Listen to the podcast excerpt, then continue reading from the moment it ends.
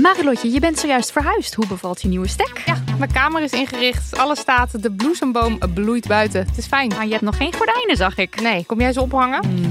Maar het ding is dus, desondanks alles slaap ik als een koningin dankzij mijn matras van Emma Sleep. Een prinses zonder ert ben jij. Al leg je een ert onder mijn matras, ik denk niet dat ik er last van heb, want het is een hemelsding. En dan heb ik ook nog mijn Emma Diamond Pillow. Jouw slaapkamer is een slaapparadijs. Wil jij dat nou ook? Ga naar emma-sleep.nl en daar vind je moederdag sale met kortingen die oplopen tot wel 50%.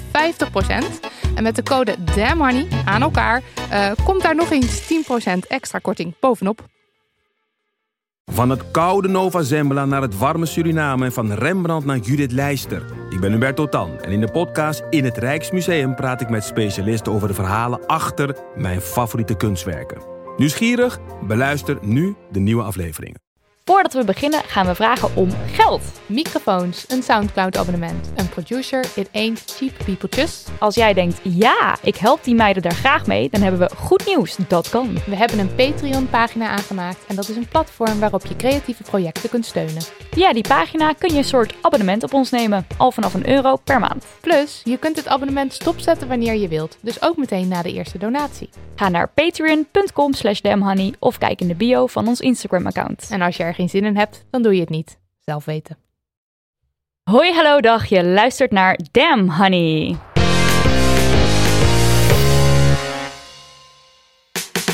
De podcast over shit waar je als vrouw van deze tijd mee moet dealen. Mijn naam is Nidia. En ik ben Marilotte. En dit is aflevering 10. Prachtig zo'n rond getal. I know.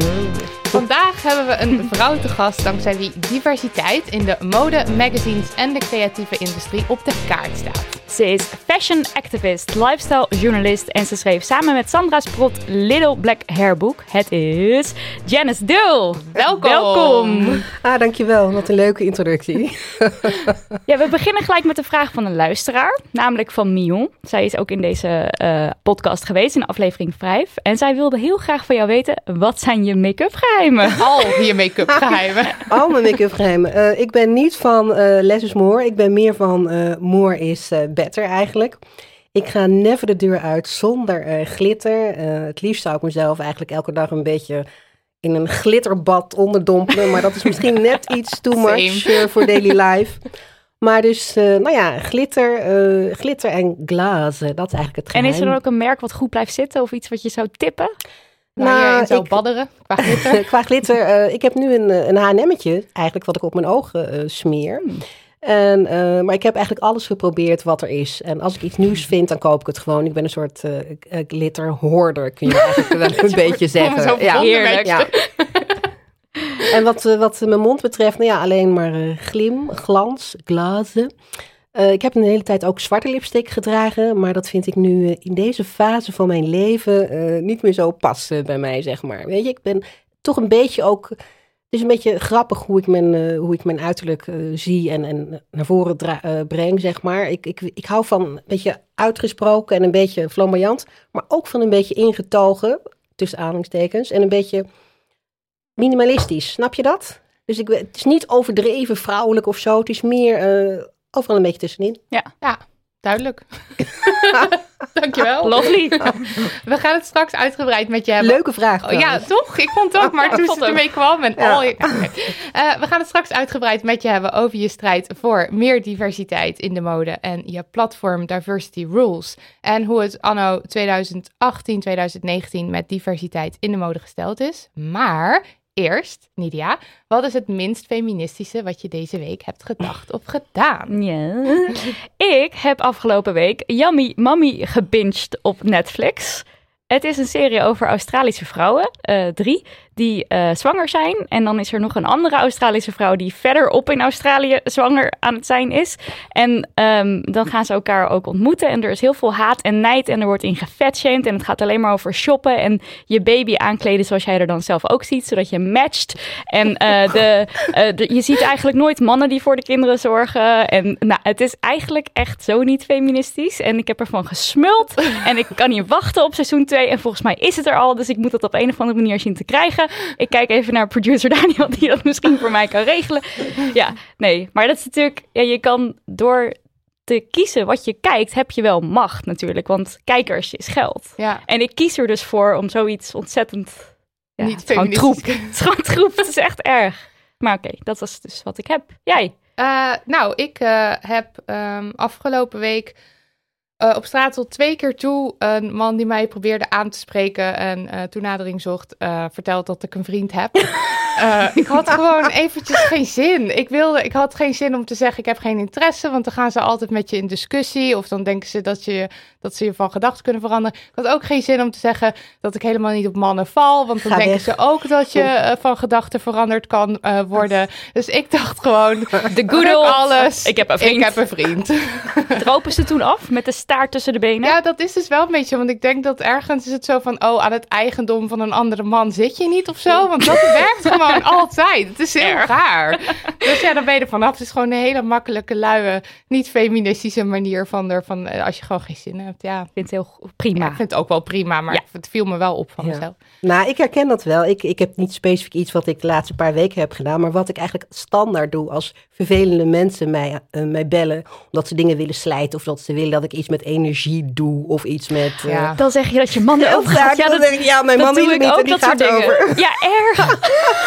Ja, nee, niet. Ze houden wel wat in stand Ja, hoor, het jongens. is echt te gênant. Maar het is gewoon makkelijk soms. Ja. ik denk van, Ja. joh, en wat heb ik met deze man of deze vrouw te maken? Hup, klaar, Ja. weg. Dus, ik weet er ja. niks van. Mijn man regelt mijn energiezaken.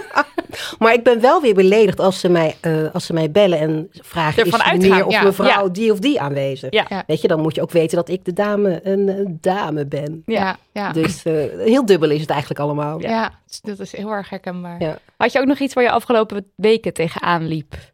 Eh, Dat je dacht, hmm, dat ik dacht van, hé, dat had ik anders ook moeten lossen of anders moeten doen. ja, niet feministisch. Eh, nou, eigenlijk Dit niet. was al een heel goed nou, voorbeeld. dit is eigenlijk Ja. iets Ja, wat ik altijd, eh, wat, Ja. wat me altijd overkomt. En ik vind het eigenlijk ook niet zo heel erg, to be honest. Nee, is het ook Ik niet. ook niet. Dat is ook wel is weer niet dat ik daar met Nee. schuldgevoel zit te roepen dat ik een vriend heb, Nee. maar het is weer gewoon. Want ja. Hoe zou je het anders op kunnen lossen? Ja, ik- Nou ja, dan ga je echt in gesprek. Of dan, Ja. Want dan loop je, dan komt zo iemand naast je. Tenminste, bij, mijn ervaring is zo iemand komt naast je lopen. Oh, eh, als je, als je de, de kant op gooit van ik val niet op mannen, dan gaan ze dat helemaal doorvragen. Want dat vinden ze interessant. En als je zegt ik heb geen interesse, dan gaan ze vragen waarom niet en hoe kan je dat nu weten. En ga gewoon een kopje koffie met me drinken. Nou, ga maar door. Ik had er gewoon geen zin in. Ja, ja. Nou, het is prima. Ja. Nou, laten we dan doorgaan met post. Post. We hadden post, heel post. veel post. Ja, we hadden een vraag eh, van Nicky en het is een geluidsfragment. Vind ik heel leuk. Hey Nidia en Marilotte. Eh, hier Nikki, een luisteraar van jullie podcast. Ehm, ik heb een vraag. Eh, ik heb twee dochters en die waren ehm, lekker hooligan aan het eh, rellen dat meisjes echt de beste zijn en de jongens de slechtste. Ehm, ze zijn acht en vier jaar. En ik vond dat alleen maar hartstikke geweldig. Want jee, girl power en zo. Maar mijn vriend, een vader, zei... en daar heeft hij wel een punt... als ze dat jongens zeiden over zichzelf... dan had je daar echt wel een ding van gemaakt... en er iets van gezegd. Ehm, dus wat eh, vinden jullie? Is dit een soort van eh, eh, empowerment en trek die macht naar je toe? Of had ik dit eigenlijk ook eventjes iets genuanceerder neer moeten zetten? Dank je. Oeh, Dankjewel, Nicky, voor je leuke vraag. hele leuke vraag. Ja, mijn eerste reactie is lekker meiden. En mij ook. Lekker blijven Echt rellen. Girl power. ja. Maar als je er dan wat langer over nadenkt. Wat vind jij dan? Ja, ik vind het lastig hoor. Is het nou slecht? Nee. Zou ik jongens er wel op aanspreken? Meisjes zijn ook goed hoor. Ik weet het eigenlijk niet. Nou, ik vind het alleen maar positief. En het is typisch dat weer zo'n man zegt van ja, als het eh, andersom zou zijn, had je het eh, slecht gevonden. Het, weet je, de hele wereld schreeuwt al, mannen zijn het best en eh, fantastisch en beter. Dus het is alleen maar goed als meisjes het een keertje omdraaien. Nou ja, dat vond ik dus ook. Ja. Ik, dacht, ik dacht, stel, je doet even een gedachte-experimentje en alle ouders gaan hun dochters die dan roepen, jongens zijn de slechtste, meisjes zijn de beste, gaan hen aanmoedigen en je eh, gaat al alle zoons in de wereld die roepen, jongens zijn de beste, meisjes zijn de slechtste, zeg je, nou, dat mag je niet zeggen. Hè? Jongens en meisjes zijn gelijk. En in de maatschappij waar we nu leven, groeit een meisje dan op met zelfvertrouwen en girl power en heu en die, van huis uit krijgt ze dat mee. En een jongen in de maatschappij waar we nu leven, die krijgt echt nog wel van alle kanten genoeg veren in zijn reet gestoken. Dus Ja. het is niet zo dat hij daar een complex aan overhoudt, denk ik. Dus wat mij betreft kan de wereld er alleen maar beter van Ja. worden. Ik ben het helemaal met je eens. Het is net als met dat eh, Black Lives Matter, All Lives Matter. Weet je, dat eh, mensen kunnen het dan, eh, vinden het slecht om te zien dat... eh gemarginaliseerde groep, groepen ja, opeens, wordt. weet je, de- hun power eh, erkennen en, en uit willen dragen. En dan komen ze er- ermee van, ja, maar alle levens doen er toch toe. Ja. Tuurlijk, maar daar gaat het niet om. De hele maatschappij schreeuwt al Jullie- Black Li- ja. All Lives Matter. De hele maatschappij schreeuwt al mannen zijn beter, doen het beter, whatever. Dus tegengeluiden moeten we juist omarmen en aanmoedigen. Ja. Precies. Kan het niet meer met Go je dochters. dus, ja. En dan hadden we ook nog een brief, hè? Ja, eh, even kijken. We Van hadden een Tiffany. poststuk van Tiffany. Ja, ik zal hem even poststuk? voorlezen. poststuk. Een ouderwets Dat is poststuk. gewoon, we kregen Een mail. Niet via, ja, een, Een mailtje. via de e-mail. Op Oké. Komt-ie. Van Tiffany. Hoi lieve meiden, ik ben een actief volger van jullie podcast en enthousiaste lezer van jullie boek. Jullie be- hebben echt mijn ogen geopend in bepaalde opzichten. Ik heb alleen twee brandende vragen waarop ik hoop advies te krijgen. Vraag nummer 1. Heel vaak hoor je dat je niet antiracistisch kan zijn en feminist, omdat er moslimlanden zijn waar ze vrouwen benadelen, zoals dat vrouwen niet mochten autorijden in een bepaald land. Dan zeggen ze dat je tegen de moslims bent als je feministisch bent. Ik weet dat ik dat niet ben, maar ik weet niet zo goed welk argument ik hier tegen moet gebruiken. Ik snap het gevoel heel goed. Dat je denkt, wat je nu beweert, dat klopt niet. Maar ik weet niet waarom. En ik heb er even over na zitten denken. Maar ik dacht, in dit land gebeurt er toch ook nog genoeg eh, waar je vrouwen mee benadeelt. En Het- wij zijn toch ook niet anti-Nederland? Kijk, het gaat er denk ik meer om op het moment dat je als vrouw ervoor kiest om niet auto te rijden, omdat jij vindt dat dat eh, niet oké is. Als je er zelf voor gekozen hebt, dan is dat een keuze van een vrouw die wij dan ja, moeten respecteren. Dat is haar eigen keuze. Maar op het moment dat er mannen zijn die zeggen: jij mag niet auto rijden, dan kan je je daar wel over uitspreken dat je dat niet gelijkwaardig vindt. Ja, alleen dan ben je, Dan ben je toch niet- meteen tegen de moslims. Nee, En ik snap haar vraag ook niet. Wat zei ze nou? Dat ze ehm antiracisme... Anti, je kunt niet antiracistisch zijn en... en feministisch. Ja, Want stel je bent. Zij ziet het dus als racistisch als je zegt van hé, hey, in bepaalde landen mogen vrouwen niet autorijden, dat is niet oké. Terwijl ik koppel dat niet aan racisme. Ik ook Nee. niet. Dus daar is denk ik al een. Of eh, tenminste, dat is dus dat is de, de gedachtesprong die ze zelf nog moet maken. Dat het dus, het is niet zo dat je antiracistisch bent als jij zegt, die regel in dat land Ja. is niet feministisch en moet aangepast worden in mijn, ja, maar ook niet feministisch. Die regel, vrouwen mogen daar niet rijden. Dat is niet feministisch in mijn ogen. Dat moet aangepast worden. Dat is niet meteen een racistische uitspraak. Binnen elke cultuur en elke godsdienst heb je aspecten waarvan je wellicht als feminist denkt van... hé, getver. Maar dat wil niet zeggen dat je tegen zo'n cultuur of tegen zo'n eh, eh, etniciteit of tegen zo'n volk bent. Nee, dat Dus is ik snap dat- inderdaad, ik volg het ook niet helemaal, maar op zich wel een goede vraag, denk ik. ja, ja, blijkbaar iets waar ze wel over wordt aangesproken. Dat Ja. is wel interessant. Dat je dan dus, ja. ja. Ja, nee, dus wij, wij zien dat helemaal niet als eh, iets wat niet samen kan gaan. Sterker nog, ik denk dat feminisme, intersectioneel feminisme, juist heel erg gaat om gelijkheid voor iedereen. Ja. Ehm, en als er dan bepaalde regels zijn die een groep achterstellen, maakt niet uit waar de regels vandaan komen of eh, wie dan achtergesteld wordt, daar strijd je dan tegen. ja, precies. En dan ben je niet. tegen Een racist. meteen alles wat de hele maatschappij die daaromheen gebouwd is, is niet meteen iets wat je dan dus niet accepteert als Ja. iets. Oké, ik hoop dat Tiffany hier wat mee kan. Tiffany kan je. Deel 2, want ze heeft nog een vraag. Ik probeer steeds vaker mensen te wijzen op hun racistische opmerkingen. Zelf ben ik wit. Maar ik zie nu ook een beweging opkomen waarin witte mensen naar beneden getrapt worden wanneer zij dit doen, omdat dit niet hun strijd is. Zij zouden over people of color heen praten. Dit wordt dan gezegd door witte mensen en people of color. Hoe kan ik mijn steentje bijdragen zonder dat people of color voelen dat ik over hen heen praat? Ja, niet, erover, niet over ze heen praten. Bondgenoot zijn, Ja, achter ze Ja, staan. dat, dat is key, hè, dat je bondgenoot bent eh, van mensen. Dat je inderdaad ook, zeker als het om openbare eh, aangelegenheden gaat, niet vooraan staat. En het hoogste woord voert als, er, als het met name om eh, media gaat, want dat is echt heel erg lastig.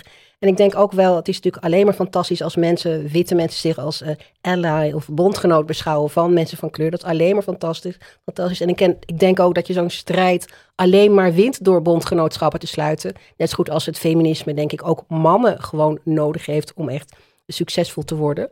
Maar ehm, een lange zin. En waar, wil, waar ging die Ja, eindigen? dat je, dus niet, je hoeft dus niet op de voorgrond te Nee, je treden. moet- Maar je kan nog steeds wel hun strijd meevoeren. Zeker. Maar je moet ook wel, denk ik, onderkennen dat, ehm, dat het, ja, hoe zal ik het zeggen, dat jouw strijd, dat hun strijd niet, vergelijk, niet hetzelfde is als de jouwe. Er zijn toch nou eenmaal verschillen. Ook al leef je in en ook al voel je je één van.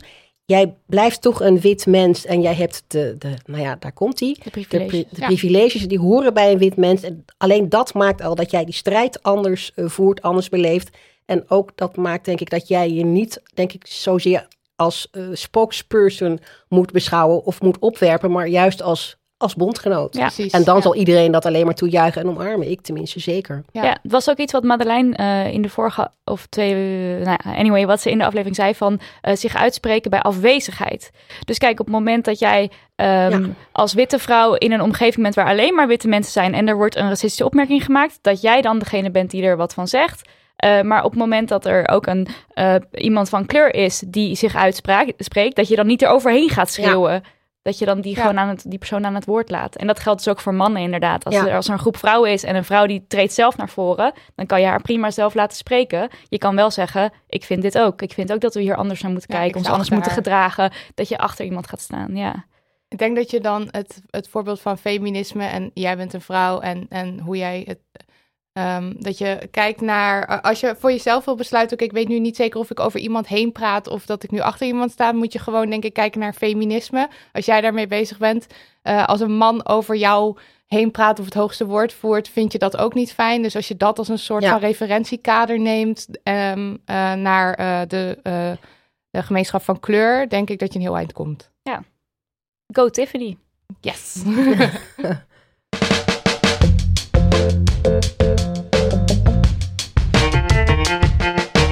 We moeten het even hebben over diversiteit. Of eigenlijk het gebrek aan diversiteit in de modewereld en de creatieve industrie in het algemeen. En daar, Janice, hebben we jou voor uitgenodigd. Gezien jij een hele grote rol hebt gespeeld en nog steeds speelt in het diverser maken van onder andere de modewereld. Je bent al twintig jaar werkzaam in de bladenwereld, onder andere als eindredacteur, maar je noemt jezelf eh, sinds, tweede, eh, sinds 2014 ook echt fashion activist. Hoe ben je in de bladenwereld terechtgekomen en hoe heeft die switch plaatsgevonden van redacteur naar fashion activist? Ehm, ja, hoe ben ik in de bladenwereld terechtgekomen? Nou, eh, ja, gewoon hè. Ik, eh, ik studeerde af op een gegeven moment, eh, heel lang geleden. Ik denk zelfs voor jullie, ge- voor jullie geboorte. In elk geval, ik studeerde dus af. Ik heb Nederlands gestudeerd in Leiden. En ik wilde eigenlijk altijd, ik wilde altijd schrijfster worden. Hè? Dus geen journalist, maar echt schrijfster. En dat ga ik ook ooit nog worden. Echt Je hebt een boek geschreven, toch? Jawel, Dus dat maar is ik, al... ja, dat is al het begin. Maar Ja. ik wil echt eh, grote, eh, meeslepende wereldliteratuur gaan voortbrengen. Oh, Dus, Nou, ik kan niet wachten. Ja. dat komt ook in. nog. Dus eh, nou ja, Nederlands was eigenlijk voor de hand liggend om dat te doen. En ik heb heel, altijd heel erg gehouden van taal en van mooie woorden en van mooie zinnen en van schrijven dus. Een kennis van me die werkte als freelance eindredacteur bij, eh, bij het blad Elegance. Ik weet niet of jullie het kennen. ja. De, de grand old lady van eh, in Bladerland eigenlijk. Ik geloof dat het nu 75 jaar bestaat of 70 jaar. En eh, ze zochten daar nog meer eh, freelancers. Dus ik heb een testje gedaan. Dat was uiteraard eh, goed. En, ehm, Uiteraard. ja, nou ja, het was, het was uiteraard goed. En ik was dus, ik ben zo eigenlijk het vak ingerold. En dat ging toen zo. En dat is nog steeds wel zo. Als je eenmaal ergens op een plekje zit, dan rol je vanzelf van het een naar het ander. Dus ik heb echt voor heel veel uiteenlopende titels gewerkt. Ik heb heel lang gefreelanced. Ik, maar op een gegeven moment ben ik echt, ja, ben ik toch wel, eh, ja, loonslaaf eh, geworden. maar wel een hele chique, zeg ik altijd. Want, Chique loonslaaf. ja, want we, hiel- we hielden een redactie in de PC Hoofd. Ah ja. Oh, ja. Dus eh, nou ja, het was een heerlijke shopstraat, zoals je weet, met eh, de meest fantastische winkels. En eh, dat was bij een blad, dat was, dat was onderdeel van de uitgeverij van Annemarie van Gaal. Misschien ken je haar wel. Die zakenvrouw die fortuin heeft vergaard door de eerste publiekstijdschriften uitgeverij in eh, Rusland op te zetten. Van bijstandsmoeder naar miljonair. Dat is echt Oh, het verhaal echt? van haar in de notendop. Heel erg fascinerend en heel erg interessant. Maar goed, dus eh, toen dacht ik, oké, laat ik eh, daar dan eh, mijn kunstje gaan vertonen in, in, in loondienst, zo gezegd. En dat is me heel goed bevallen. Nou ja, op een gegeven moment ging dat toch wel een beetje vervelen. Na een jaartje of vijf, zeg maar. Toen verhuisden we vanuit de PC naar een, een, een andere straat in, in Amsterdam-Zuid.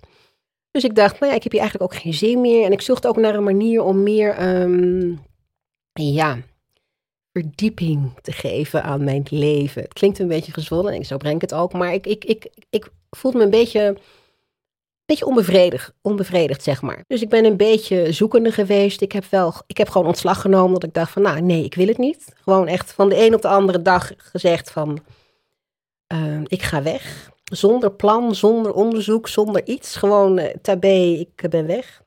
En uh, nou ja, ik ben toch wel weer gaan freelancen. Want ja, ik moest natuurlijk ook zorgen dat mijn eh, schoenen, jas en tassen werden betaald. en, uh, maar gaandeweg uh, dacht ik echt van, hé, hey, um, weet je, dit is een richting die ik uit kan gaan. En mij, werden de ogen geopend, zeg maar. Iemand die mij echt op de weg van mijn missie heeft gebracht, dat was een meisje dat um, heel graag model wilde worden. Ik spreek ook over haar in mijn TED-talk.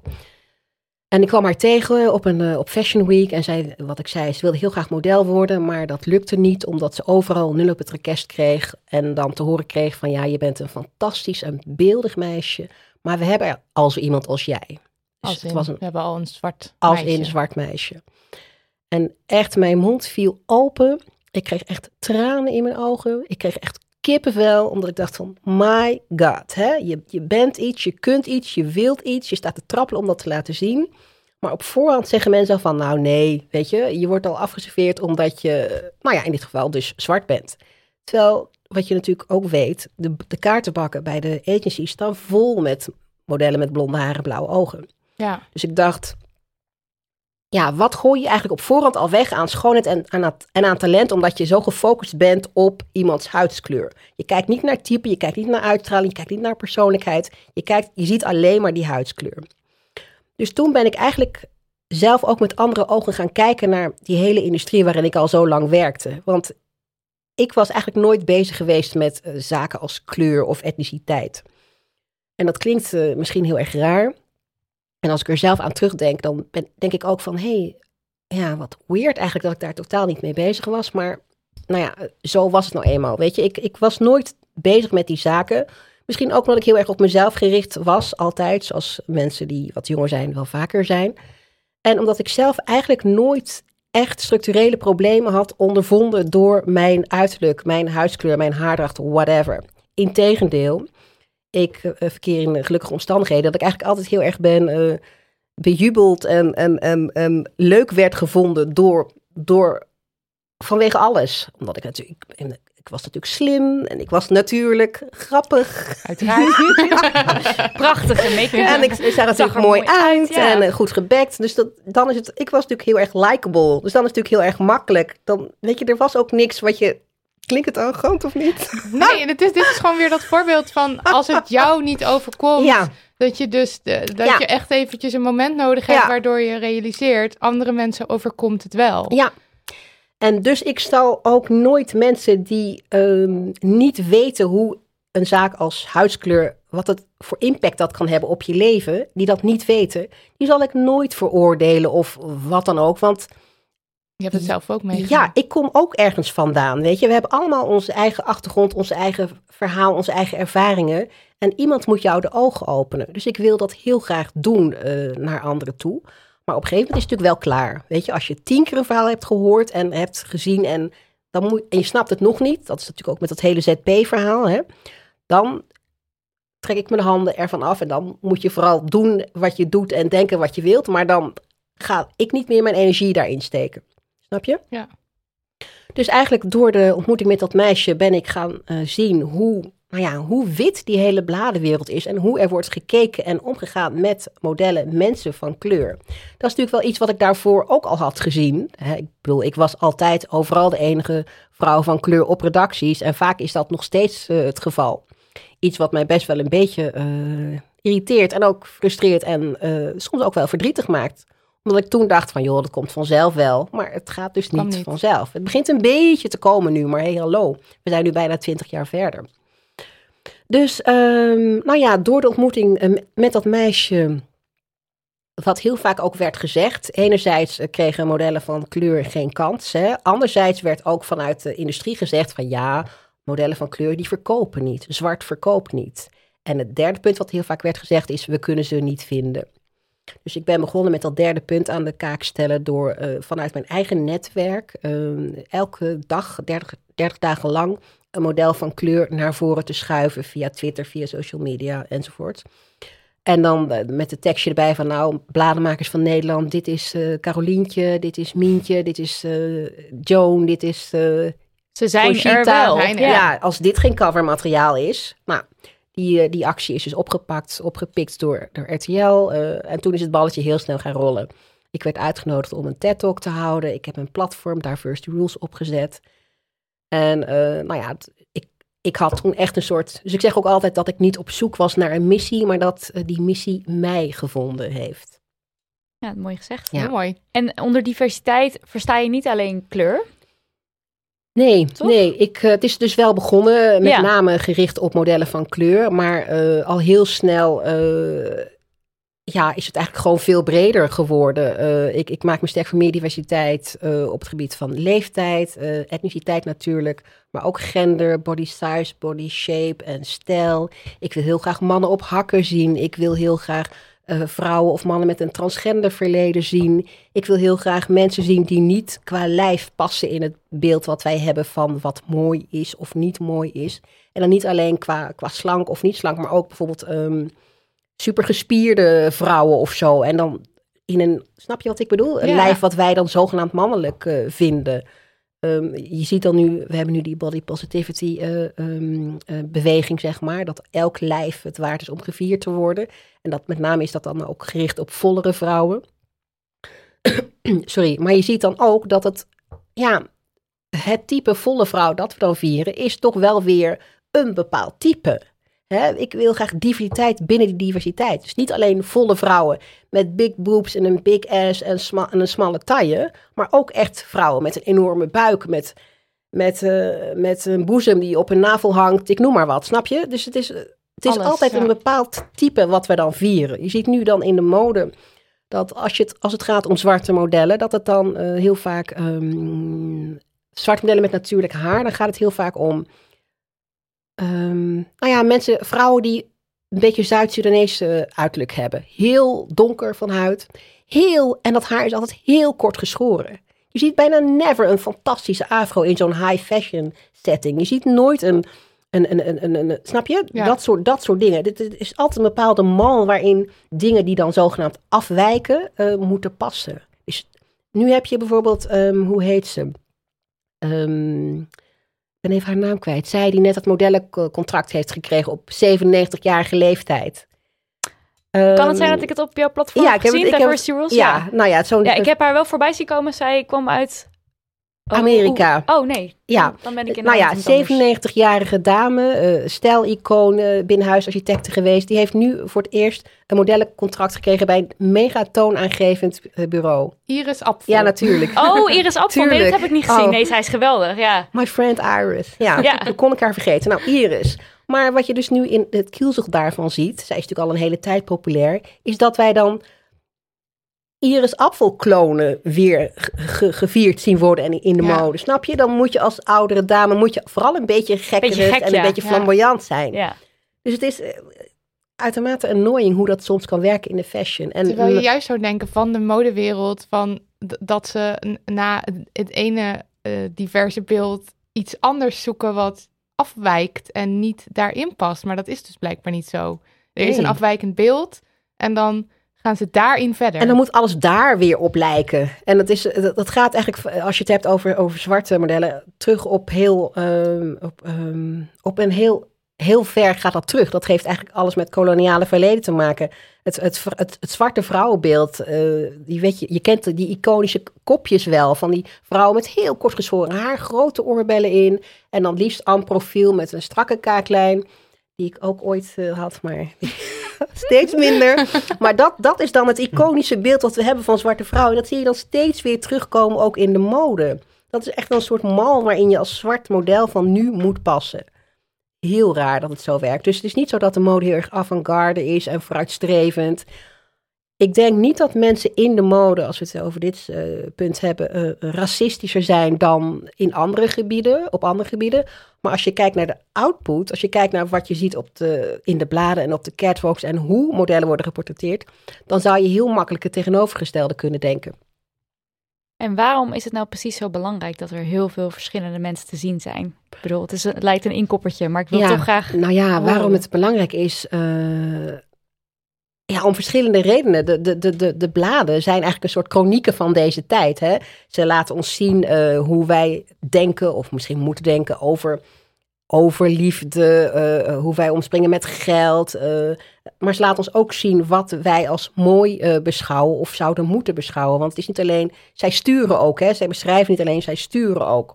En het feit dat, los van wat dan mooi is, maar als je één type schoonheid laat zien, dan wil het dus zeggen dat al het andere niet meetelt en niet toedoet, niet waard is om gezien te worden. En dat heeft dus effect op het, het zelfbeeld van, van mensen, maar het heeft ook effect op de manier waarop je naar die mensen kijkt. En, um, um, en ook niet alleen op, ook als jij ook als jij wit en blond bent, dan, dan ga je het idee hebben dat het uh, een, een, witte, blonde uh, mensenwereld is. Dat zij de, de, de, alles bepalen, dat zij bovenaan de hiërarchie staan, wat ook, het, wat ook zo is, moet ik heel eerlijk zeggen. En zwarte vrouwen zijn onderaan elke hiërarchie denkbaar. Dat is helaas een triest feit. Maar dat kan heel erg gemakkelijk veranderen als je ook de mode ehm, betrekt in het hele diversiteitsverhaal. Op elk ander maatschappelijk vlak realiseren we ons hoe belangrijk diversiteit is. Maar in de mode loopt dat, hè, en dan met name inclusiviteit, dat is natuurlijk nog een stapje verder. Maar de mode loopt mega achter daarbij. En dat, uh, ik vind dat, we, dat is dus ook mijn, mijn, mijn punchline, mijn motto. Let's use the power of fashion to make society more inclusive. Ja. Als je nu op de Vogue een, een, een, een, een, een zwarte vrouw met één been en één borst zou zetten met een hoop glitter op haar ogen. Ik noem, ik noem maar wat. net ge- als je net dat een bad glitter gestapt. maar als je dat bij wijze van spreken een paar keer zou herhalen, dan verandert dat de manier waarop wij kijken naar die vrouwen of naar die mannen of naar alles wat daartussenin zit. Ja. En volgens mij, ik denk echt dat het zo simpel werkt. Want het is ook zo dat je die beelden in de mode, zie je niet alleen maar in de mode, die zie je ook terug in reclame, in films, in, in, in, in andere, in advertisement. Het is een algeheel beeld. En het is ook zo dat die mode reflecteert wat er in de maatschappij uh, verder uh, gaande is. Um, um, en ook invloed heeft op wat er in. Het, het, mode is natuurlijk een maatschappelijk verschijnsel. Hè. Het, het is, staat niet los, het is niet op zichzelf staand. Het beïnvloedt maatschappelijke ontwikkelingen en andersom, het wordt beïnvloed door de maatschappelijke ontwikkelingen.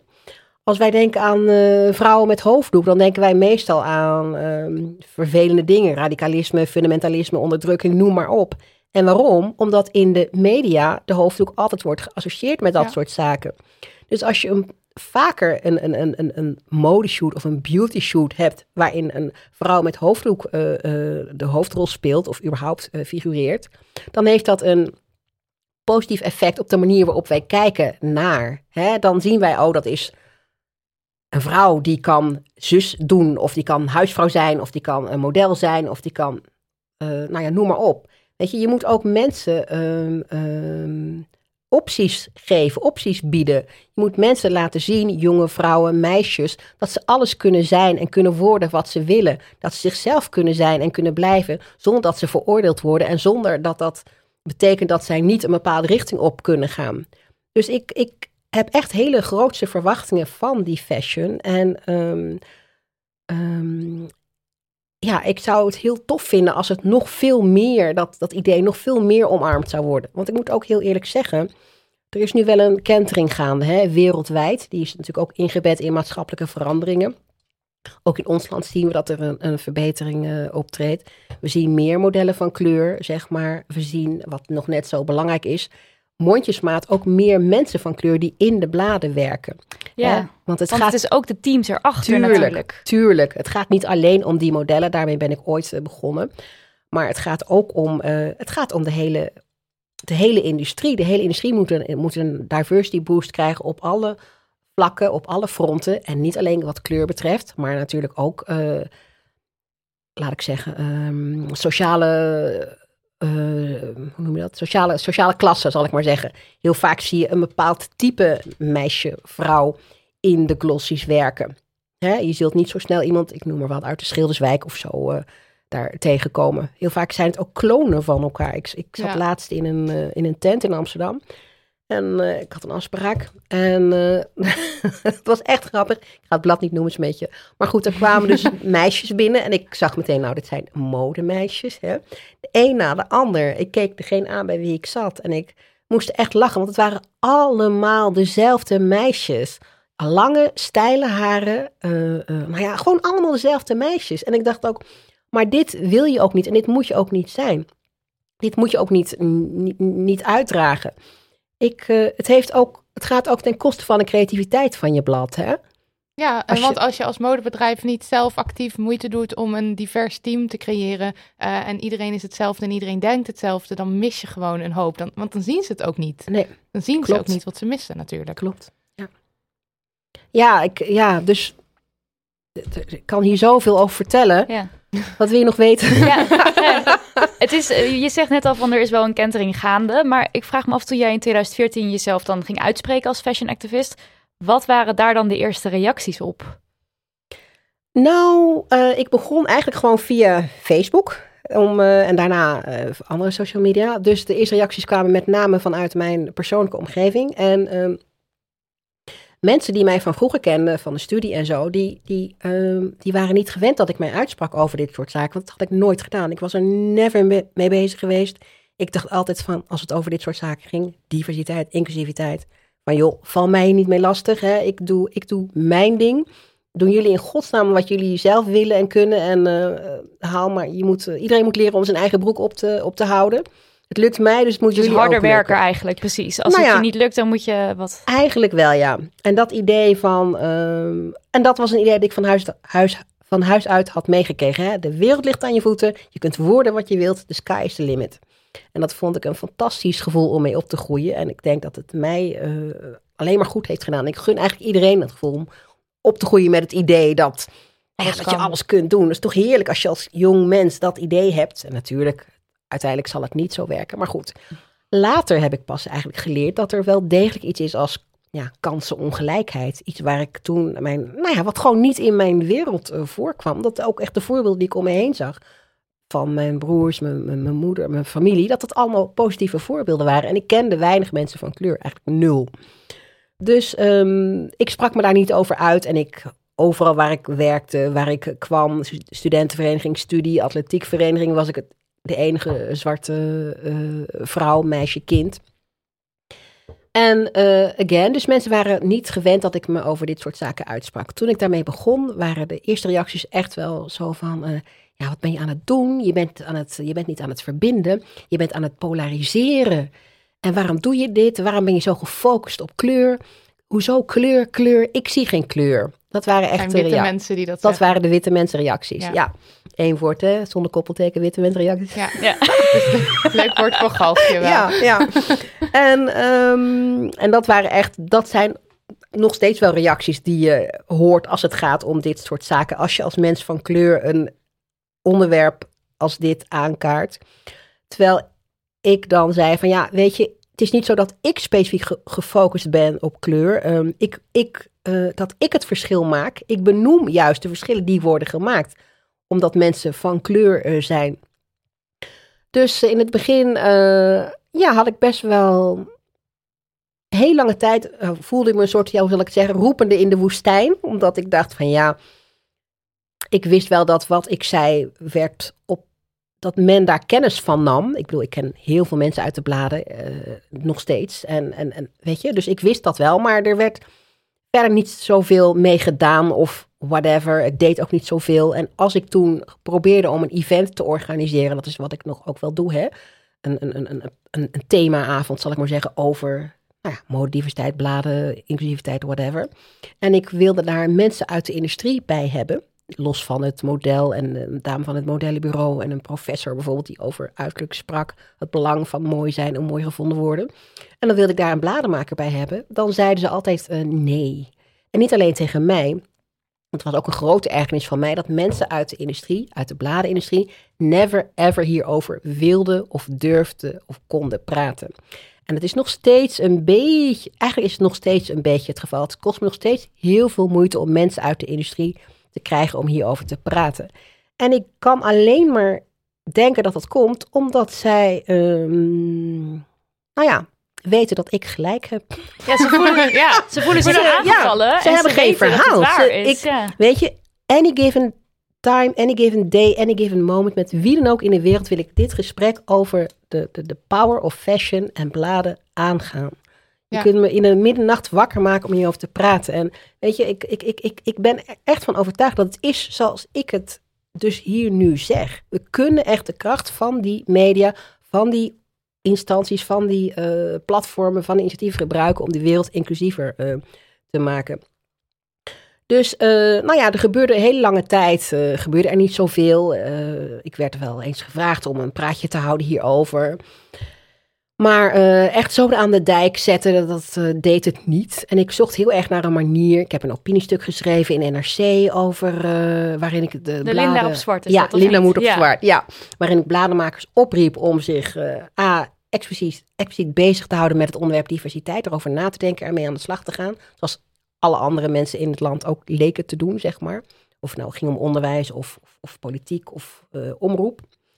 Tweede riep ik hen op om natuurlijk meer modellen van kleur uh, te gebruiken op covers, maar ook in het blad. En derde natuurlijk om die hele redactie een, een, een, een diversiteitsinjectie uh, te geven. Ja. ja. Ja, Dus dat had ook wel iets gedaan. Uh, maar mijn echte grote, iets wat, um, hoe zeg je dat, een, een blessing in disguise bleek te zijn, was toen in 2017 Karin uh, Swerink van de Nederlandse Volk um, ja, in een interview uh, durfde te beweren dat Nederland maar één goed zwart model heeft. En dat ze daarom eigenlijk nooit een zwart model op de cover had. Dat was haar excuus. Dat was haar excuus. Ja. Van ja, ik wil wel, maar ze ja, zijn er niet. Er zijn er, ze zijn niet, er is er maar eentje. Nou ja, dat zei ze, dat zei ze dus.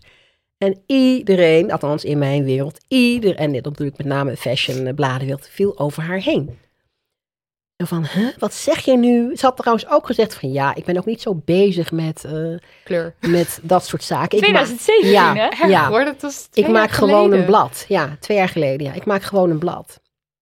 Echt shocking. Maar wel fijn, zo'n kortzichtige opmerking. Want dat ja. zet wel de mensen aan het ja, denken. dat uh, zeker. En ik, het echt, Twitter, Facebook, Insta, alles... Iedereen sprak zich hierover uit van, hoe kan dit? Hoe kun je jezelf zo... Uh, marginaliseren, je lezers zo niet serieus nemen, dat hele thema onderschatten, het belang van het thema onderschatten. En naar aanleiding van, dat, uh, van die uitspraak uh, heeft Pauw um, een uitzending gewijd aan, aan, in dit geval, zwarte modellen en mode. En ik zat in die uitzending, hebben jullie hem gezien? Ja, ja. zeker. Met gelukkig. Ja. Hij staat nog online inderdaad. En, We zullen hem in de show notes zetten. Oh ja, dat is goed. Want je kunt Um, ik zat daar met een, uh, met een model, Jessica Jassy. En Cecile Narings dus van uh, Harper's Bazaar Nederland, nu naar de Volkskrant. En je kunt heel goed zien in die uitzending uh, waar de frustratie lag van beide partijen, zal ik maar even zeggen. En je kunt ook heel goed zien hoe het vaak um, misgaat als het gaat om thema's die met kleur of diversiteit, diversiteit te maken hebben. Omdat je dan eigenlijk hoopt als spreken als gast dat je echt een, gewoon een gesprek kunt hebben met iemand. Of gewoon je verhaal kunt doen, zoals ik hier nu doe. Maar dat het vaak in een bepaalde setting wordt geplaatst van voor en tegen. Dus je moet eigenlijk heel erg op elkaar um, reageren, zeg maar. En liever heb je een soort constructief uh, dialoog in plaats van een, uh, ik wil niet zeggen gebekvecht, want dat was het niet. Maar Snap je wat ik bedoel? Ja, dat je echt was... een beetje dat de ene partij tegenover de andere ja. partij wordt ja. gezet. Alsof, alsof en dat niet samen was ook gaat. erg verdedigend, geloof ik, hè, vanuit Cecile. Dus dat zij heel erg wilde gaan... Zij wilde heel erg zeggen... Ja, maar er hebben wel vier zwarte vrouwen. En dan zei jij van... In tien jaar. Ja. Zo van... Uh... Ja. En dan ging en... zij weer... Nee, nee, nee. Vorig jaar... Of twee jaar geleden. Ja. Maar da daar ging het helemaal niet nee. om. Het was het, dat heb ik volgens mij ook gezegd. Het gaat niet om jou. Het gaat om het algemene verhaal. Het algemene beeld. En uh, wat volgens mij wel een hele, heel cruciaal punt is geweest in dat hele gesprek, is dat Cecile op een gegeven moment zei van ja, ik zou wel willen mijn hoormodellen van kleur, meer modellen van kleur, maar wat ik heb gehoord van mijn stylisten. Ja, dit was ook echt, Ja, dat is echt als je... echt, oh, echt ja. zo erg. Als je, dat je als je een zwart model neemt, dat bepaalde kleuren soms echt clownesk uh, kunnen staan. Hè? Uh, wat, zei, ja, wat zei ze nou? Um, ze zeiden dat een, canv een, een, een blank meisje. canvas was een wit meisje. En bij een zwart model had je veel minder mogelijkheden. En dat was ook niet goed te doen. En dan moest je met zonlicht en zo. En ik dacht, my god. Dat was, is echt dus zo kort. Maar dat is wel echt dat je nu vaak nog steeds, nou ja, wat ik net zei, dat je dan in bepaalde hokjes wordt geplaatst. Als zwart model ben je niet in de eerste plaats model. Ze kijken niet naar, again, je uitstraling, je look, je, je, je, je, je performance. Maar je bent, je, bent, je bent eigenlijk juist wel dat, zwart, dat canvas, dat zwarte canvas. Ze zien alleen die huid. Dus uh, nou ja, ik zeg heel vaak, we zijn niet als vriendinnen uit elkaar gegaan. Maar het heeft wel, na dat gesprek bij Pauw, maar het heeft wel tot positieve zaken geleid. En um, ik, ik, ik, ik denk, ik hoop, denk als we over tien jaar of zo de geschiedenis van diversiteit in Bladen Nederland gaan uh, bekijken, dat dat een soort eikpunt is geweest. Van nou, toen, vanaf, toen moment, vanaf dat moment is het langzaamaan beter uh, geworden. Ja, dat hoop ik. Ik heb nog één vraagje, want ik hoorde jou ook ergens zeggen dat in de jaren tachtig uh, de, de bladen sowieso diverser waren, of dat het toen niet echt een, een, een issue was. Ja, dat heb ik, uh, ik. Ik heb dat wel meegemaakt die tijd. Maar uh, je zag in die tijd sowieso meer modellen van kleur. En zonder inderdaad dat het, wat je zegt, dat het ging om die kleur. Zonder dat het benoemd dat, werd. Ja. Zonder dat het benoemd werd. Zonder dat er persberichten over werden geschreven. Of zonder dat het aanleiding was om, een, om aandacht aan te besteden in de media. Wat nu natuurlijk wel heel vaak uh, gebeurt. Ik heb uh, van, van een bladenmaker uit die tijd begrepen dat je gewoon echt keek naar: hé, hey, wat is een leuk, beeldig, stoer, sexy, fantastisch meisje. En uit de huiskleur maakte, deed er niet zo toe. Niet dat, het, dat elk nummer vol zwarte of modellen van kleur zat, maar was werd, ja, het was wel diverser. Dus we hebben eigenlijk een beweging teruggemaakt. Ja, dat is raar. Maar, ja, dat is heel raar. Maar dat geldt toch helemaal voor ons als maatschappij, in mijn optiek. Dat we eigenlijk allemaal. Um, um, hoe zal ik dat zeggen? Dat, ja, dat, het klinkt een beetje vervelend, maar toch dat tegenstellingen lijken op het moment veel scherper. Tegenstellingen op elk vlak, noem maar op, die zijn veel uh, scherper. En we verschansen ons allemaal steeds meer, lijkt het soms, in onze eigen. Hoe zeg je dat? We verschansen ons in onze eigen. Leven, bubbel? Ja, bubbel, soort of zeg maar. Um, wat als tegenreactie heeft gegeven dat we juist ook allemaal veel meer naar buiten uh, treden om onze, onze stem te laten horen. Via de sociale media. We eisen ook allemaal steeds meer een, een stukje van die, van die koek en van die taart. Hè. We, we, realiseren ons dat we als maatschappij in transitie zijn. En dat is denk ik iets wat witte mensen lastig vinden. Witte mannen lastig vinden. En wat ja, man, gemiddelde man in de straat, überhaupt wat iedereen lastig vindt. We zijn een maatschappij in transitie. Hè? Het, het, zal nooit meer worden zoals het was. Er zijn nu zoveel jonge mensen die uh, roots elders hebben, maar die hier geboren en getogen zijn. Ik ben dat ook, maar weet je, nu zijn er maar nu zijn er zoveel uh, uh, jongelui die zich ook gewoon Nederlands, uh, die, gewoon, die gewoon, nee niet gewoon, die Nederlands zijn, maar roots elders hebben. Maar die willen en die verdommen het om nog langer aangesproken te worden op dat stukje anders zijn tussen aanhalingstekens. Die willen gewoon meedraaien, hun ding doen, gezien worden, ge, gewaardeerd worden. Ze willen dat hun talenten worden benut. Ze willen dat hun verhaal wordt verteld. Ze willen dat hun cultuur ook wordt gevierd als onderdeel van die Nederlandse cultuur. En dat is alleen maar goed. En uh, je kent die uitdrukking wel, hoe zeg je dat? Zonder wrijving geen glans of zo. Dat is alleen maar goed, want we, we, we zijn met z'n allen op zoek naar die nieuwe uh, maatschappij, hè, die, die komt eraan en dat vereist, uh, dat, vereist uh, dat we op zoek gaan met z'n allen naar nieuwe gemeenschappelijkheden, nieuwe uh, gemeenschappelijke beelden van schoonheid, nieuwe tradities misschien ook, die we samen kunnen, die we samen hebben, gemeen hebben. En een nieuwe taal in sommige zaken. Hè. Dat is ook waardoor Um, uh, ja, dat, dat je dan soms hoort dat mensen zeggen van ja, mag ik nou ook niet meer ja, blank zeggen? Meer zeggen? Of, ja. hè, maar dat ja. is omdat we dus op zoek zijn met z'n allen naar iets. En ik ben ervan overtuigd dat we het wel gaan vinden, maar niet van vandaag op morgen. Nee. En ook niet vanzelf. We moeten echt actief op zoek blijven en actief in gesprek blijven. Maar wat we vooral moeten, en dat denk ik dat het zeker is, um, dat het geldt voor dominante groepen, of het nou gaat om mannen of om uh, witte mensen uh, dat je uh, ja, leert luisteren. Luisteren ja, vooral. Ja. Even een stapje terug en even gewoon luisteren naar wat er te zeggen. En, en, en de verhalen van mensen geloven. Want Ja. dat is het ook, dat is ook Ja. heel belangrijk. En vind jij het dan, eh, nou dat ga ik niet zo, dan ga ik het al invullen. Ehm, Hmm. Wat vind jij ervan als het ehm, een blad diversiteit inzet als een soort marketingtool? Ehm, nou ja, idealiter heb je dat natuurlijk niet. Hè? Ehm, ehm, in een ideale wereld is diversiteit in de mode, in de bladen, gewoon net zo'n ge- groot gegeven als het is op straat. Als je, hè, dan is het net zo- zo'n vanzelfsprekendheid als op straat. Dat is eh, helaas nog niet het geval. Dus ik vind het op zich. ehm, ja. Nou ja, dan moet dat maar. Weet je, dan Ja. moet je dat maar uitventen. Ik vind het niet erg, want als je denkt: ik doe dit, ik doe dit en ik verdien er geld mee. Ehm, dus je vent dat uit, want je krijgt daar aandacht mee. Dat vind ik op zich geen probleem. Maar het wordt anders als jij dat alleen doet om. ehm, nou ja, als je dat alleen doet zo, om geld te verdienen, dan val je vanzelf, denk ik, wel door, de, mand. hè? hè? Ja. Je, moet, je moet het wel ook echt doen, omdat je de noodzaak voelt en eh, ziet.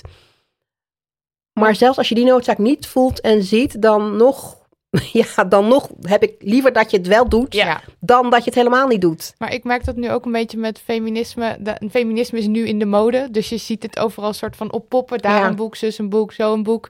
Ik, weet, je weet niet precies wat de drijfveren erachter zijn. Maar ik denk wel dat wat mij betreft, eh, hoe meer verhalen, hoe Goed, beter. ja. Ja. Ja, zo, ik, denk, ik denk zeker dat het zo is. En het, de, de, de, de integeren, die, die blijven vanzelf wel eh, overeind. Wij mensen zijn op een gegeven moment wel slim genoeg om te zien wie oprecht is hierin Ja. en wie niet is. Het is net als met activisme. Dat is nu ook eigenlijk hip, In. hip en hot. Ja. En Ja. eh, toen ik daarmee begon eh, met dat woord, eh, nou ja, een paar jaar geleden, toen zeiden heel veel mensen tegen mij van, ja, je moet dat niet zo noemen hoor. En soms zeggen mensen dat nog wel. Je moet het niet zo noemen, want dat schrikt mensen af. En wij hebben natuurlijk van oudsher ook een raar beeld van wat activisme is. Hè? In andere landen kijkt men daar veel positiever tegenaan. Van iemand die iets onderneemt om iets te veranderen. En wij zagen dat meer als schoppen en slaan en bommen en naar en rellen en demonstraties en zo. Maar ik zie dat het nu, eh, je ziet nu dat het wel een soort positief woord is. En dat het sexy is om activist eh, te zijn. En eh, ja, prima. prima. En ehm, welke bladen, modehuizen en labels doen het goed volgens jou? Als je zou zeggen, er is verbetering. Want- Eh, bladen, ja, dan, ik, ik, ik, in Nederland is het dan altijd een beetje lastig. Als je het hebt over modebladen, dan, ehm, Valt nog steeds veel te winnen. ja, dan valt, ben ik eigenlijk heel erg teleurgesteld. Eh, ehm, ja, dan ben ik eigenlijk heel erg teleurgesteld. Kan ik ook niet echt een voorbeeld geven. Ik vind Glamour wel redelijk oké. Die eh, proberen wel inclusief te zijn en los van het etnische aspect ehm, laten zij een bepaald vrouwbeeld zien wat niet specifiek dat mooie, lieve modemeisje is, maar ook gewoon gekke of, of stoere of eh, eh, eh, sportieve types op de cover zetten. En niet in die specifieke fashion poses. Vaak wel, maar ook heel vaak niet. Dus dat vind ik wel een goed voorbeeld. Ik vind eh, Vice heel erg fantastisch. Hoewel het natuurlijk niet echt een modeblad is. Maar qua platform doen zij natuurlijk super fantastische dingen. Zij zijn inclusief, zij zijn feministisch. Zij kiezen, eh, zij hebben een smoel. Zij laten zien dat ze ergens voor staan. Ehm, en mode komt ook in naar voren. Op een ander vlak is One, eh, One, One, World. One World ook wel een heel goed voorbeeld daarvan.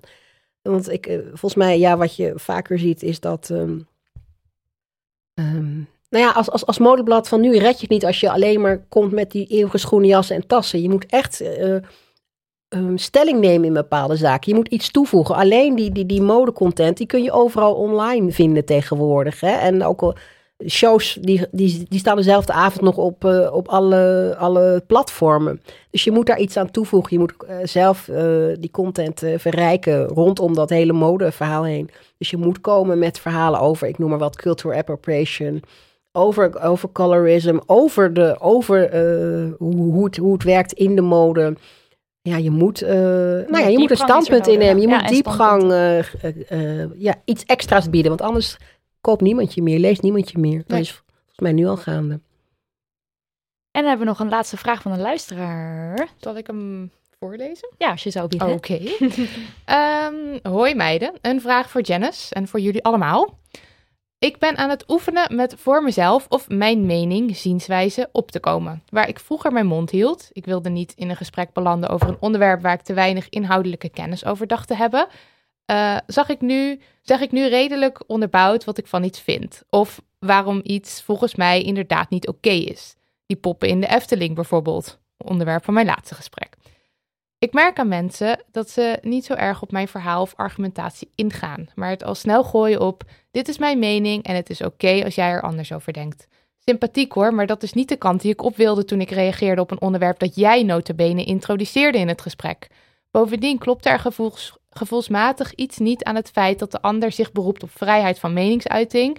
En naast het feit dat het een makkelijke manier is om onder een ongemakkelijk gesprek uit te komen dat las ik niet helemaal goed voor, maar je snapt het. Mijn vraag is eigenlijk: kun je iets zeggen over vrijheid van meningsuiting versus discriminatie? En hoe zou je ermee om kunnen gaan als je in een dergelijk gesprek, gesprek belandt? Liefs en keep up the good work, Rachel. Rachel? Rachel. kan allebei. Hè? Dankjewel, Rachel. ja. Ja, ik... de eeuwige dooddoener. Ja.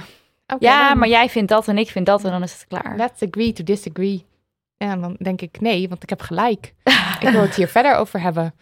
En over, ja, sommige mensen hebben gewoon geen zin om die dialoog aan te gaan. En dat merk je wel. Dan is het ook, ja. Het neerleggen is al één ding natuurlijk. Hè? Dus je uitspreken over zoiets. Op het moment dat de ander begint over die poppen en die zegt, nou, ik vind die, dat moet gewoon kunnen. En jij zegt, ik vind nou. dat niet kunnen, want dit en dit en dit. Dan heb je in ieder geval je zegje gedaan. Ja, en... en ervan uitgaan dat iedereen maar zegt: Oh, je hebt zo gelijk. Dat is natuurlijk een illusie. Want dan hadden we al lang een diversere wereld gehad in, in de mode en in al die andere dingen waar mensen al zo erg uh, zich wat, over uitspreken. Wat Jen dus al zegt, is verandering gaat super geleidelijk. Dus als jij dit onderwerp aansnijdt en ook al lijkt het op dat moment niks te doen, het kan wel zeggen, het kan wel iemand aan het denken zetten of iemand in een andere situatie ineens laten terugdenken aan dat gesprek en denken, hé, hey, dit heb ik al een keer eerder gehoord. En daardoor dat een balletje zo gaat rollen. Het, het is misschien niet meteen merkbaar het effect wat jij hebt met dat gesprek, maar het kan wel zo zijn dat jij de aanzet bent tot. Ja, zeker.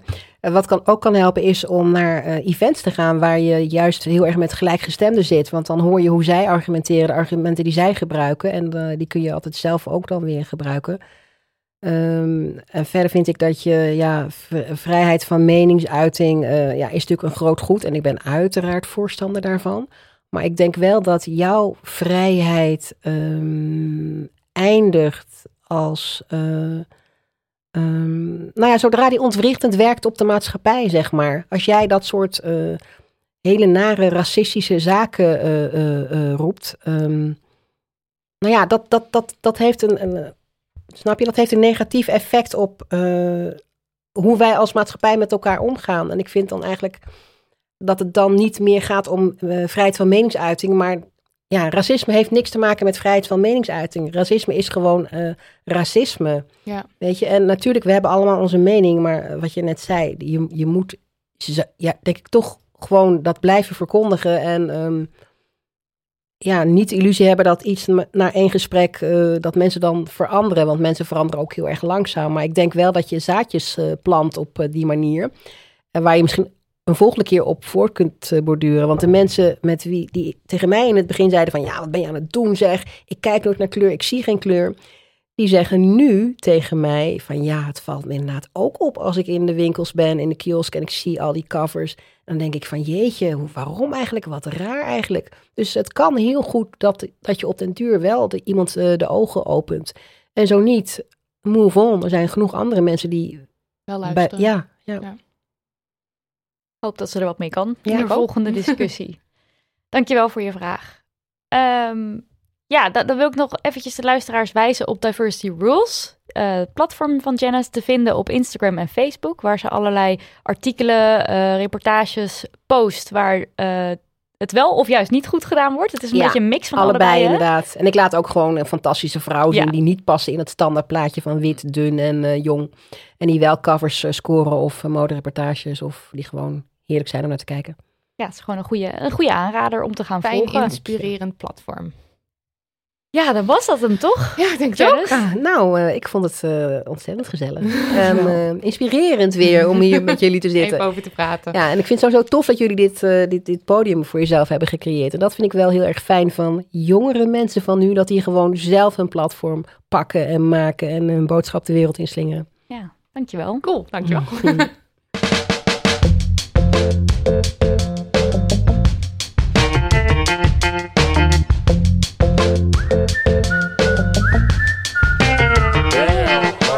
Komen we bij de afsluiter Damn Honey Yes en Damn Honey No. Nidia, Damn Honey No, laat ons huilen. Nou, het valt mee gelukkig dit keer, want het is een Damn Honey No met een beetje Damn Honey Yes. Uh, het gaat over Laura Kraak. Zij kwam er twee jaar geleden achter dat je je kind maar één achternaam mag geven. Ik dacht dat het sowieso kon in Nederland. We zijn een uh, vrij liberaal land met veel mogelijkheden. Dus toen mijn uh, buitenlandse vrienden het hierover hadden, dacht ik, nou, dat, uh, als ik ooit een kindje krijg, zal dat ook wel kunnen.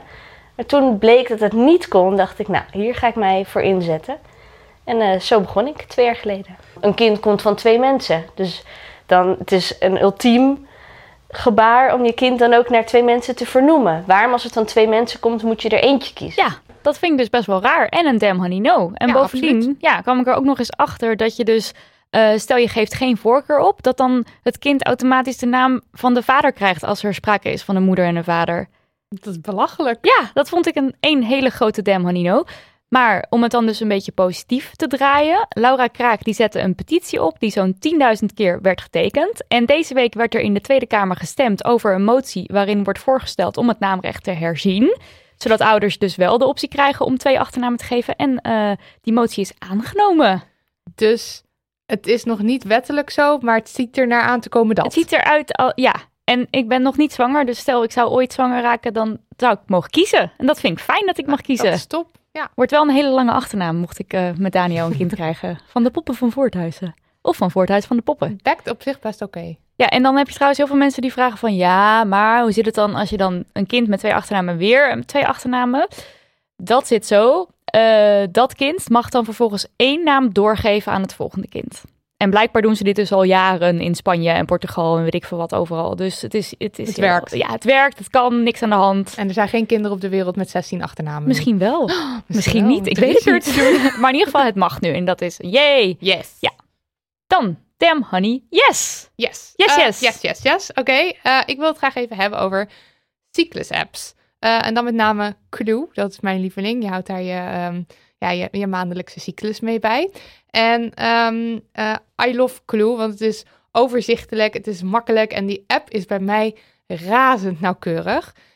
Ik vind het heel erg belangrijk. Ik hou het bij, omdat in mijn cyclus is er sowieso één dag van totale depressie. En er zijn twee dagen dat ik ofwel woest ben, ofwel ontroostbaar verdrietig. En ehm, ik hoef alleen maar in die app te kijken en dan weet ik in één, oog op, eh, één oogopslag eh, dat eh, de reden waarom ik Nidia bijvoorbeeld de ogen uit wil krabben is omdat ik PMS heb. En dan kan ik mezelf een beetje tegenhouden. Dus het werkt heel goed voor mij En om het bij te Het houden. is ook voor mensen in je omgeving fijn. Want jij zegt dan, ik heb PMS. En dan ben ik zo van, oh, oké. Oh, nou ja, ja. dan komt het wel goed. Ja, en dan ga jij het maar eventjes in je bed over. liggen. Ja, dus het is heel erg prettig om het bij te houden. Kan het iedereen aanraden, zeker als je echt heel eh, regelmatig bent. Wat ik nu las, ehm, of tenminste, Nidia wees mij op een artikel over cyclus apps. Het is geschreven door eh, Esther Krabbedam op de website, even kijken hoor, Bits of Freedom. En daaruit blijkt dat zulke apps niet altijd even zorgvuldig zijn met de data die je invult. En eh, er zijn hele langdradige en on- onleesbare privacyverklaringen, zijn niet transparant en je gegevens worden misschien wel gedeeld met derden. Dat is echt super creepy. Dat is je- heel creepy, want je zet er echt heel erg veel intieme gegevens in. Ja. Niet alleen maar weet Facebook nu misschien wanneer je ongesteld bent, maar je zet ook neer hoe je je voelt, of je borsten misschien... Of je seks hebt gehad, Ja, voorboedsmiddelen, anything. Ja. of je borsten misschien een beetje gevoelig zijn. Of je gesport hebt, hoeveel je geslaapt hebt. Of je misschien een al- of je alcohol hebt gedronken. Dus het is, er staat heel erg veel in. En je weet niet, dat is best wel interessant voor bedrijven om te vermarkten. Het is hele interessante informatie. Maar, dan is de honey yes. Uit dit artikel blijkt ook dat Clue heel erg goed uit de test komt. Want Clue heeft gewoon een hele erge... eh, heldere privacyverklaring. Je slaat je gegevens lokaal op op je telefoon. Je geeft Clue eh, specifiek eh, expliciet toestemming Uh, als je, en dan slaan ze het op op de servers. Die servers zijn beveiligd. En als je het dan deelt met Clue, dan gebruiken ze de gegevens voor onderzoek naar de gezondheid van vrouwen. Dus bij deze, mijn Demi Honey Yes is Clue. Een superhandige en overzichtelijke cyclustrekker die ook voorzichtig omspringt met je gegevens. Yay! Yes! Het zit er alweer op, lieve luisteraars. Dit is het einde van aflevering 10 van Damn Honey, de podcast. Bedankt voor het luisteren en bedankt Janice dat je wilde aanschuiven bij ons. Uh, en bedankt ook voor de strijd die je levert. Een heel belangrijke strijd. Uh, wil je meer weten over Janice? Wil je haar platform volgen? Dat kan allemaal. Je kunt haar vinden op Instagram, janice.dul. Uh, en het uh, Diversity Rules kan je vinden op Instagram onder diversity underscore rules. En gewoon op Facebook als je het Diversity Rules intypt, dan krijg je hem vanzelf. Bedankt ook weer aan onze zeer kundige producer Daniel van de Poppen. En aan Lucas de Gier voor onze tunes. Bedankt Nicky, Rachel en Tiffany voor het insturen van jullie vraag. Hopelijk hebben jullie iets aan ons gepeins erover. Zie je iets, hoor je iets, denk je iets waarvan je vindt dat we het moeten weten? Laat van je horen via Instagram, at damhoneyhetboek of mail naar info at damhoney.nl. Uh, maar denk je nou, meiden, ik luister met zo ontzettend veel plezier. Wat kan ik, behalve dat Patreon gebeuren, nog meer voor jullie doen? Een recensie achterlaten op iTunes, we lezen ze met veel plezier. Ons boekje kopen kan via Scheltema zonder verzendkosten. Uh, of onze podcast aanraden aan de wereld en zijn moeder. Maar als je er geen zin in hebt, dan doe je het gewoon niet. Tot over twee weken, lieve mensen. Doei. Doei. Dag.